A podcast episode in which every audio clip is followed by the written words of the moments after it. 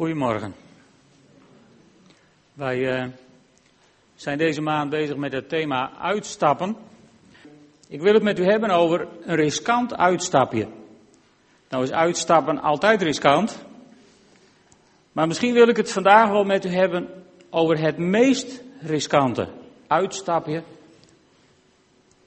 in het leven van een uh, opgroeiend gezin. En dat meest riskante uitstapje, dat is volgens mij het loslaten van je kinderen. En uh, elke gelijkenis met uw persoonlijke situatie berust op louter toeval. Of misschien ook wel niet. Want ik denk dat God hier wat mee wil zeggen. Weet je, wij zijn een, uh, een gemeente vol jonge gezinnen. En daar zijn we ontzettend blij mee. Maar als je daar naar kijkt, dan zijn wij over een aantal jaren een gemeente vol rondgierende hormonen. En als we niet oppassen, dan worden dat misschien wel rondgierende demonen. En daarom is het goed om het er een keer met elkaar over te hebben. Ik werd op een ochtend wakker met deze preek in mijn hoofd, kant en klaar. Dat gebeurt niet zo vaak, soms heb je er meer werk van. Maar dit is iets wat volgens mij heel belangrijk is. Het loslaten van je kinderen. En het is niet alleen maar toekomstmuziek. In sommige gezinnen is dat inmiddels al volop aan de orde. Er is misschien de strijd zelfs al wel losgebarsten. Ik wil daar een stukje met u over lezen. Uit Genesis 22.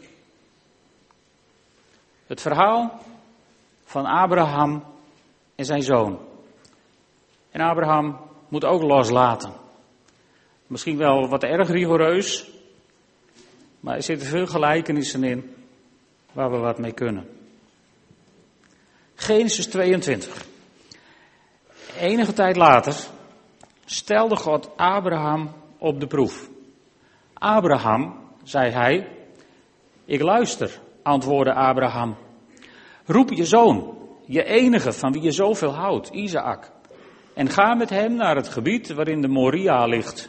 Daar moet je hem offeren op een berg die ik je zal wijzen, volgens de overleveringen de berg waarop later de tempel is gebouwd, waar nu de, de Al-Aqsa-moskee staat. De volgende morgen stond Abraham vroeg op. Hij zadelde zijn ezel, nam twee van zijn knechten en zijn zoon Isaac met zich mee, hakte hout voor het offer en ging op weg naar de plaats waarover God had gesproken. Op de derde dag zag Abraham die plaats in de verte liggen. Toen zei hij tegen de knechten, blijven jullie hier met de ezel, ik zelf ga met de jongen verder om daar ginds neer te knielen. Daarna komen we naar jullie terug. Hij pakte het hout voor het offer legde het op de schouders van zijn zoon Isaac en nam zelf het vuur en het mes. Zo gingen zij samen verder. Vader, zei Isaac, wat wil je me zeggen, mijn jongen? antwoordde Abraham. We hebben vuur en hout, zei Isaac, maar waar is het lam voor het offer? Abraham antwoordde, God zal zichzelf van een offerlam voorzien, mijn jongen. En samen gingen ze verder. Toen ze waren aangekomen bij de plaats waarover God had gesproken, bouwde Abraham daar een altaar, schikte het hout erop, bond zijn zoon Isaac vast en legde hem op het altaar op het hout. Toen pakte hij het mes om zijn zoon te slachten, maar een engel van de Heer riep vanuit de hemel, Abraham, Abraham, ik luister, antwoordde hij. Raak de jongen niet aan, doe hem niets, want nu weet ik dat je ontzag voor God hebt. Je hebt mij je zoon, je enige, niet willen onthouden. Toen Abraham opkeek, zag hij een ram die met zijn horens verstrikt was geraakt in de struiken. Hij pakte het dier en offerde dat in de plaats van zijn zoon. Abraham noemde die plaats, de Heer zal erin voorzien. Vandaar dat men tot op de dag van vandaag zegt, op de berg van de Heer zal erin voorzien worden. Toen sprak de engel van de Heer opnieuw vanuit de hemel tot Abraham.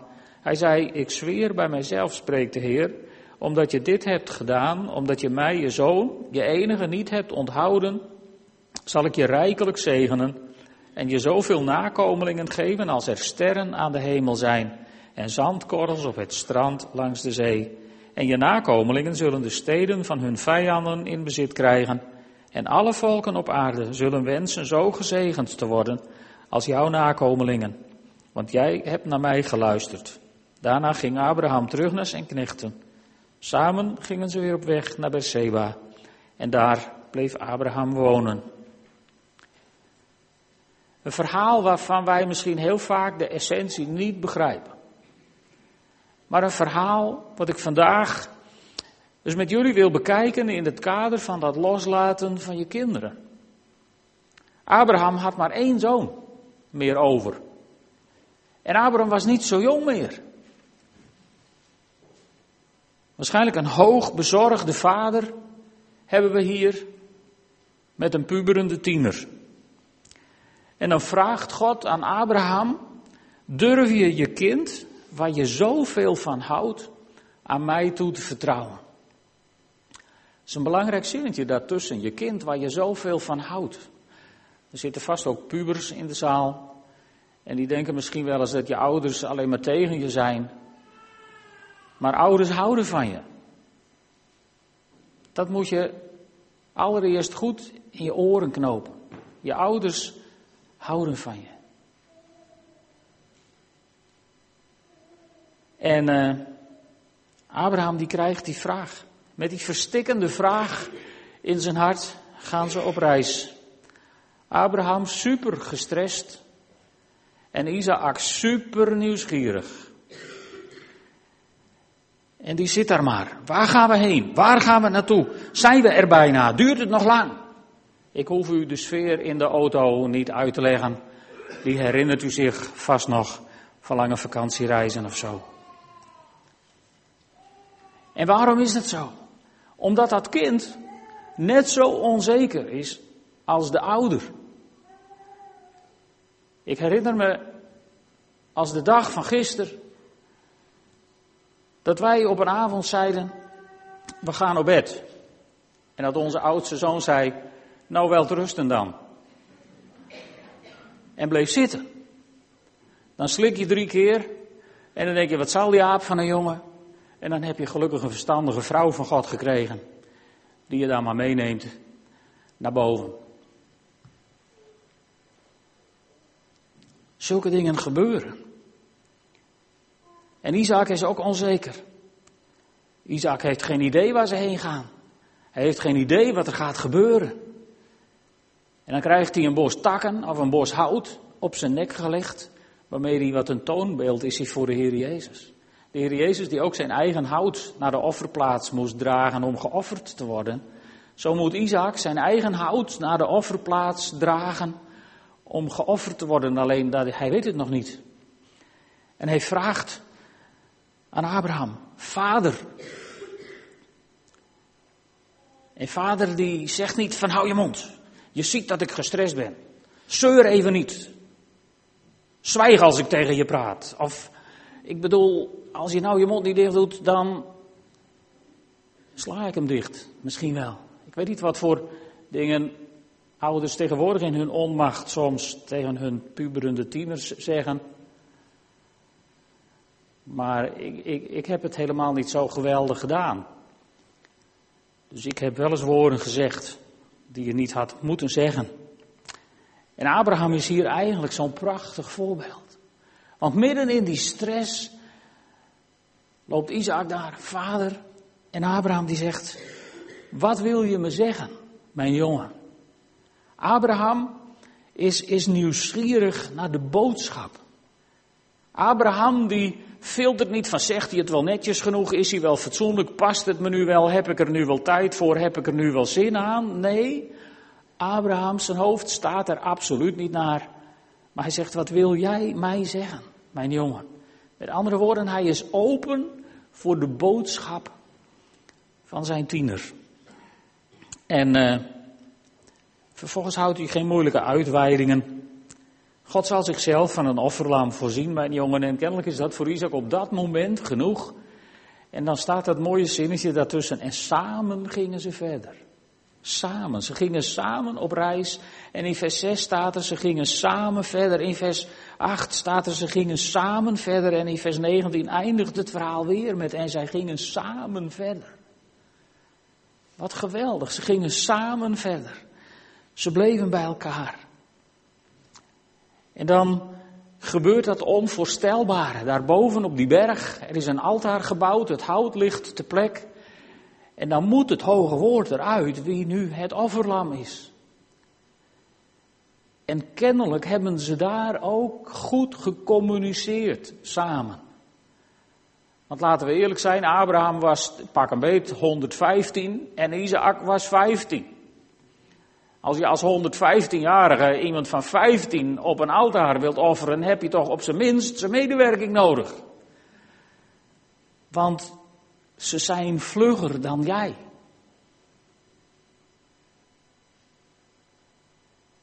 Dat geloof je misschien niet. Maar eh, vorige week hebben wij eh, op, op water gelopen. Hè? Velen van u hebben op water gelopen de afgelopen weken. Geschaatst. En, uh, en ik kon Rianne niet meer bijhouden. Ze zijn vlugger als jij. Dan ben ik nog ineens 115, maar je hebt zijn medewerking nodig. Dus er is iets heel bijzonders gebeurd daar op die berg. Isaac heeft zijn medewerking verleend aan dit onbegrijpelijke. En dan grijpt God in. En dan zegt God, want nu weet ik dat je ontzag voor God hebt. Je hebt mij, je zoon, je enige, niet willen onthouden. Met andere woorden, je kind loslaten en je kind toevertrouwen aan God. Dat heeft dus iets met ontzag voor God te maken. Dat heeft te maken met geloof. Je kind uit je handen te laten glippen voor jouw gevoel. Geloof. En dan zien we in vers 14 waar Rempel, God redt ermee. En weet je, als jouw kinderen groot worden, dan zul je misschien op een dag ook denken, waar Rempel, God heeft ermee gered. Ik zeg het vaak. Als ik naar mijn kinderen kijk van wat het is geworden, dat is genade. En Geertjes verdiensten. Maar vooral genade. En zo is het ook hier. Abraham houdt zijn zoon en het is genade. En dan noemt hij die plaats Jehovah Jireh. En wij hebben dat in alle Bijbelvertalingen vertaald met God zal voorzien. Met andere woorden, God, zal het, God lost het wel op. En weet je, dat staat er niet. Als je Jehovah Jireh gewoon vertaalt, simpele Hebreeuwse grammatica, heel basaal, dan staat er God zal zien. Nou neem ik even de ouderen onder ons mee, die de Beatles nog hebben gekend. Die hadden vroeger zo'n liedje over de Yellow Submarine. Kent u, herinneren sommige blikken van herkenning? De Yellow Submarine. Oké. Toen kwam er een tijd, en die noemen wij de oliecrisis. Niet de financiële crisis, maar de oliecrisis. Toen hadden we ruzie met Arabieren en het ging natuurlijk over Israël. Waar zou het ook anders over gaan als je ruzie hebt met Arabieren? En die deden de kraan dicht. En wij hadden autoloze zondagen en benzine op de bon hebben we zelfs nog een tijdje gehad. En toen kregen wij een minister-president, hij heette Jelle Seilstra. En toen kwam er een prachtige parodie op dat liedje. Waar wij heen gaan, Jelle zal wel zien. Daar stond niet niemand zo'n Jelle zal voorzien. Er kwam ook niemand met zijn lege tank bij Jelle Seilstra van jij zou voorzien, dus los het op. Nee, we geloofden allemaal, Jelle zal wel zien. Met andere woorden, in zijn handen zijn we vertrouwd. Daar komt het op neer. En dat is wat Abraham hier zegt. Die tekst is heel veel, wordt heel veel misbruikt, zeker in hoeken van, van het welvaartsevangelie. Van ja, God zal voorzien. Dus als je maar gelooft en als je maar zus en als je maar zo, dan doet God de sluizen van de hemel open en dan regent het miljoenen en het regent van alles. Nou, dat heeft in mijn leven nog nooit geregend. Want dat staat ook nergens in de Bijbel. Maar wat er wel staat is Jehovah Jireh. God zal wel zien. Met andere woorden, al hoe beroerd jouw situatie er misschien ook voor staat, al hoe ziek je misschien ook bent, of al hoeveel oorlog je misschien op dit moment hebt met je kinderen, God zal wel zien. Het is in Gods handen, is het vertrouwd. In Gods handen zijn jouw kinderen veilig. Daar zijn ze beter te plek dan waar dan ook. Daar zijn ze beter af dan in jouw handen. Alleen, dat moeten wij leren hè, als ouders. En zolang ze nog klein zijn en braaf doen wat je wilt en graag bij je op schoot zitten en het heerlijk vinden om met je te knuffelen, dan is het allemaal niet aan de orde. En dan kun je denken, dat gebeurt in mijn gezin niet. En dan komt er een dag, dan zijn de hormonen losgebroken. En dan denk je ineens, komen wij nou van een andere planeet? Of heeft de Babylonische spraakverwarring opnieuw toegeslagen in dit gezin? Want dan begrijp je elkaar even niet meer. En dat kan je ongelooflijk hopeloos en hulpeloos maken. Durf je ze dan los te laten?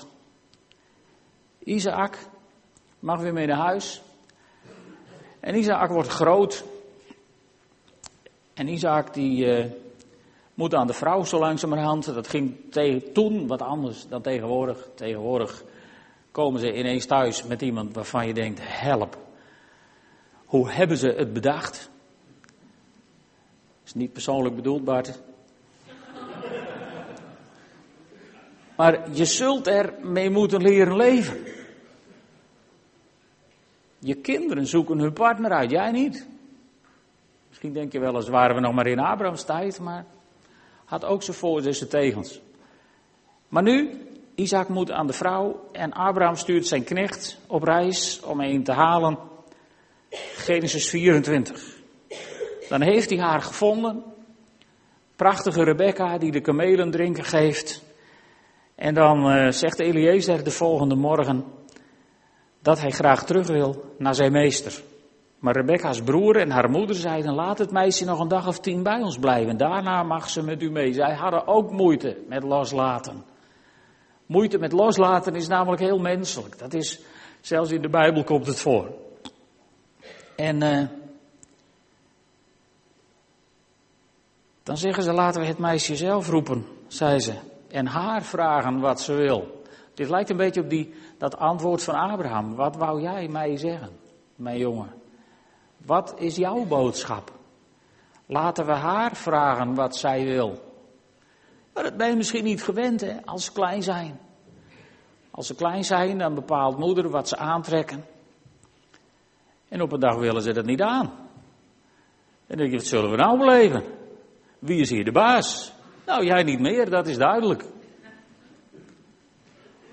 Want ze beginnen hun eigen mening te ontwikkelen. Laten we haar nou eens vragen wat zij wil.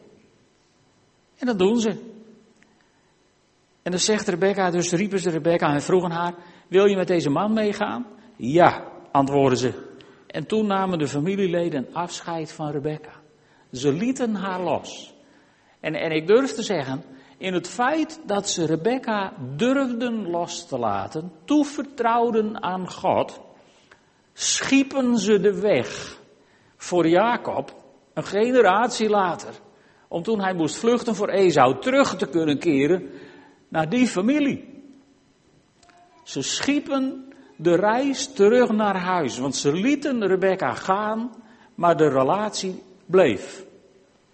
Hoe die dan was, laat ik maar even in het midden. Laban was ook niet zo'n schat, maar de relatie bleef bestaan. En er was dus later voor Jacob een plek om heen terug te keren en ook zijn vrouwen vandaan te halen en zijn zonen daar te krijgen, waar het volk Israël uitgebouwd is. Loslaten kan dus hele goede consequenties hebben. En dan wil ik nog een stukje met jullie lezen uit Efeziërs. Dus alle tieners en een beetje oudere kinderen gaan maar even rechtop zitten. Efeze 6. Kinderen, wees gehoorzaam uit je ouders, ontzag voor de Heer. Want zo hoort het. Toon eerbied voor uw vader en moeder. Dat is het eerste gebod waaraan een belofte verbonden is. Dan zal het u goed gaan en zult u lang leven op aarde. En nu moeten de vaders en de moeders maar even rechtop gaan zitten. Vaders en moeders, maak uw kinderen niet verbitterd, maar vorm en vermaan hen bij het opvoeden zoals de Heer dat wil. Weet je, het is opmerkelijk dat wij als ouders die eerste drie versen over het algemeen gemakkelijker hanteren dan het vierde vers. Het komt er bij het loslaten op aan dat je samen verder kunt gaan, zoals Abraham en Isaac. En natuurlijk moet je je kinderen vermanen en opvoeden, maar dan wel zoals de Heere dat wil. Dus vergeet daarbij nou die roede uit het Oude Testament maar en let eens op hoe Jezus het deed met zijn discipelen. Jezus had zijn discipelen twee aan twee en die waren absoluut nog lang niet geschikt voor de bediening.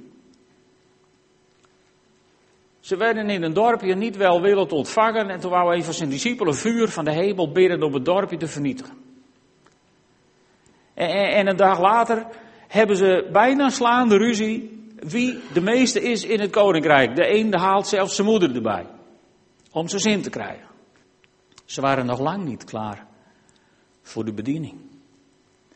En onvoorstelbaar, maar dan stuurt Jezus hen twee aan twee op pad om zieken te genezen, demonen uit te drijven. Hij geeft ze een stuk macht en een stuk autoriteit, waarvan wij zouden zeggen, dat is onverantwoord. Elk kerkbestuur zou zich wel tien keer achter de oren krabben. Maar Jezus stuurt ze weg. En als ze dan terugkomen, al hoe onvolwassen ze misschien ook zijn, dan vindt Jezus dat zo leuk, dan stuurt hij er gelijk 70. Loslaten. Vertrouwen geven. De ruimte geven om fouten te maken. En weet je, hij stuurde ze ja, Jezus gaf ze dat vertrouwen voordat ze er klaar mee waren. Durven wij dat ook? Denken wij niet vaak, dat kunnen ze nog niet, daar zijn ze veel te jong voor. Argument wat je veel hoort, maar is het zo? Weet je dat opvoeden? Een hele belangrijke tekst die je daarbij in acht moet nemen.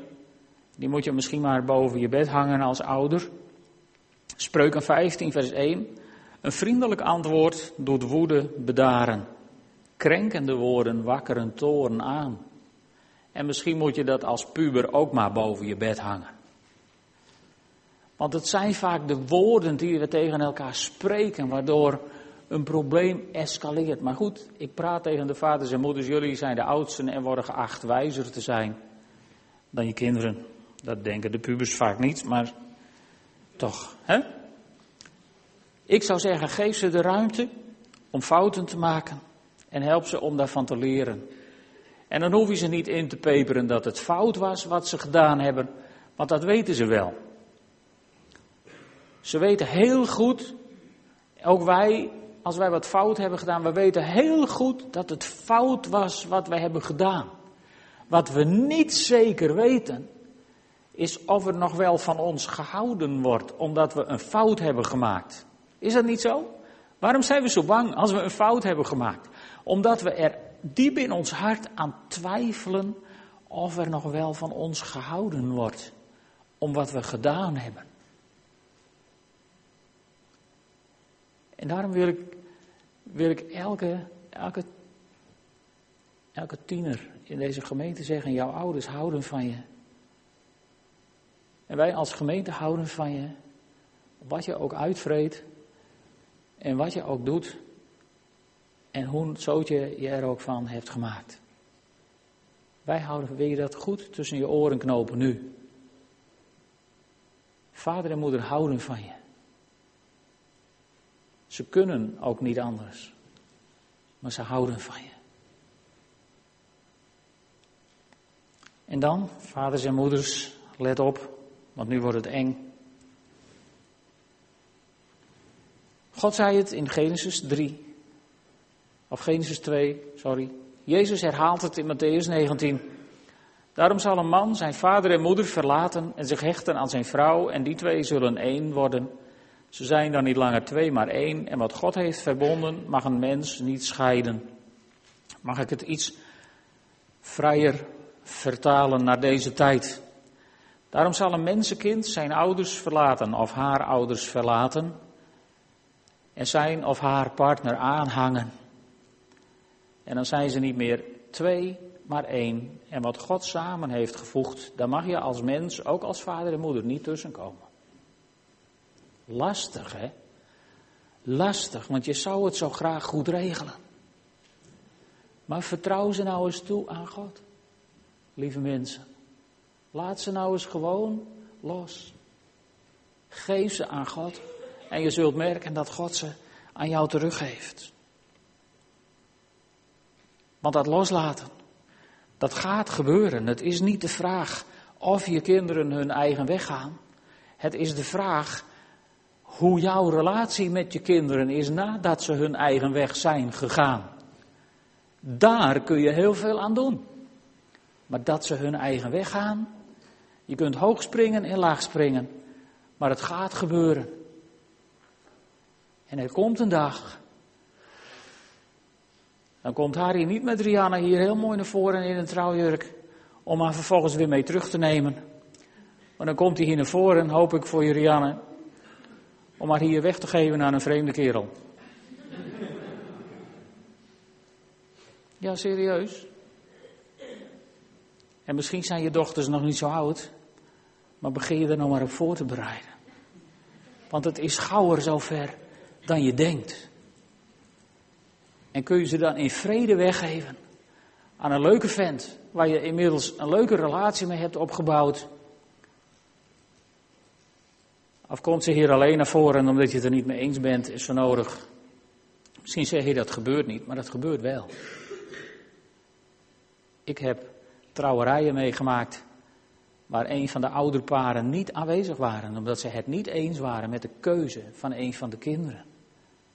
Ja, ja, dat is niet middeleeuws of 1800, nee, dat was uh, 1990 zo'n beetje. Dus echt niet zo lang geleden. Dit soort dingen komen nog steeds voor, lieve ouders. En dan verbidder je je kinderen en dat is onbijbels. Want weet je, je mag op God vertrouwen. En daar wil ik zo langzamerhand mee gaan afronden. Het allerlaatste vers van het Oude Testament is zo'n geweldig, bijzonder vers. Zo'n kanjer van een belofte. Eerlijk kijk maar naar, het laatste vers van het Oude Testament. Wij denken bij het Oude Testament misschien altijd aan oorlogen en bloed, zweet en tranen. Maar het Oude Testament eindigt met deze belofte uit Malachi. En hij, God, zal ervoor zorgen dat ouders zich verzoenen met hun kinderen en kinderen zich verzoenen met hun ouders. Anders zou ik het land volledig moeten vernietigen. In de herziende statenvertaling, daar staat hij misschien iets bekender voor u. Hij zal het hart van de vaders tot de kinderen terugbrengen en het hart van de kinderen tot hun vaders.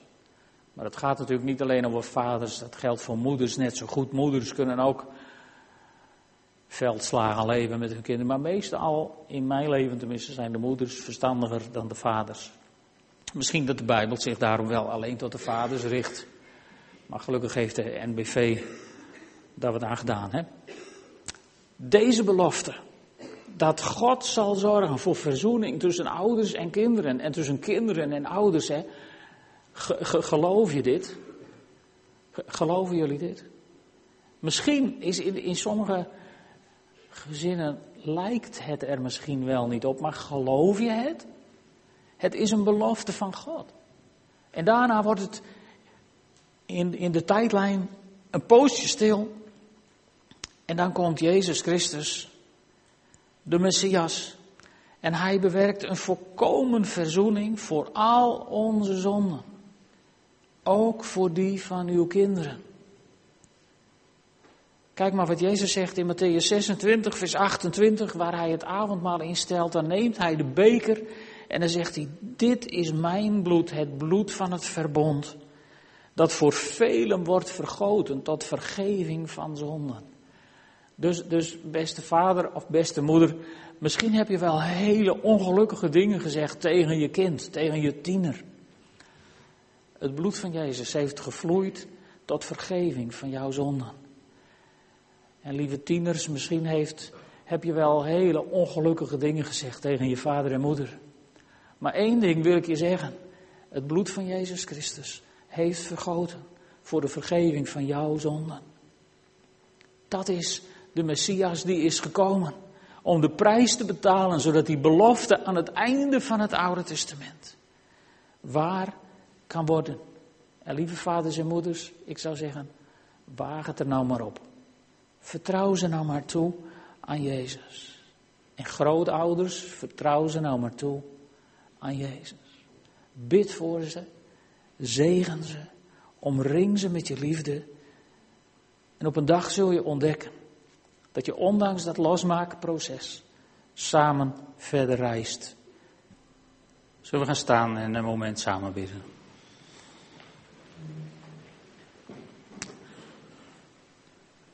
Vader in de hemel, ik dank u wel voor uw grenzeloze genade. Ik dank u ook, Heer, voor die geweldige belofte aan het einde van het Oude Testament. Dat u ouders en kinderen bij elkaar zult brengen. En Heere God, ik bid u ook voor gezinnen waar dat op dit moment niet loopt, niet werkt. Of waar kinderen wonen in wiens gezin het helemaal niet gaat. Heren, we hebben die belofte. En we zien het hier en daar misgaan. En we willen nu dat voorleggen. Heren, we willen zo onze kinderen aan u toevertrouwen.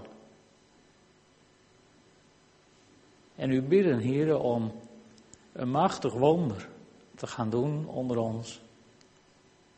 Heren, zodat we deze belofte in vervulling zullen zien gaan.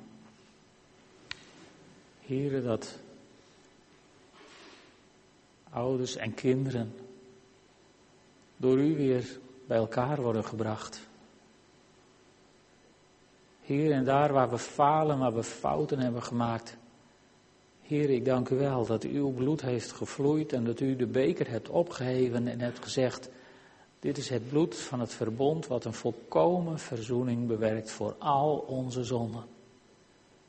Heer, u hebt ons vergeven, u wilt ons genezen, u wilt relaties herstellen. En ik bid u, Vader in de hemel, Doe een machtig werk onder ons met uw geest in de week die voor ons ligt. Amen.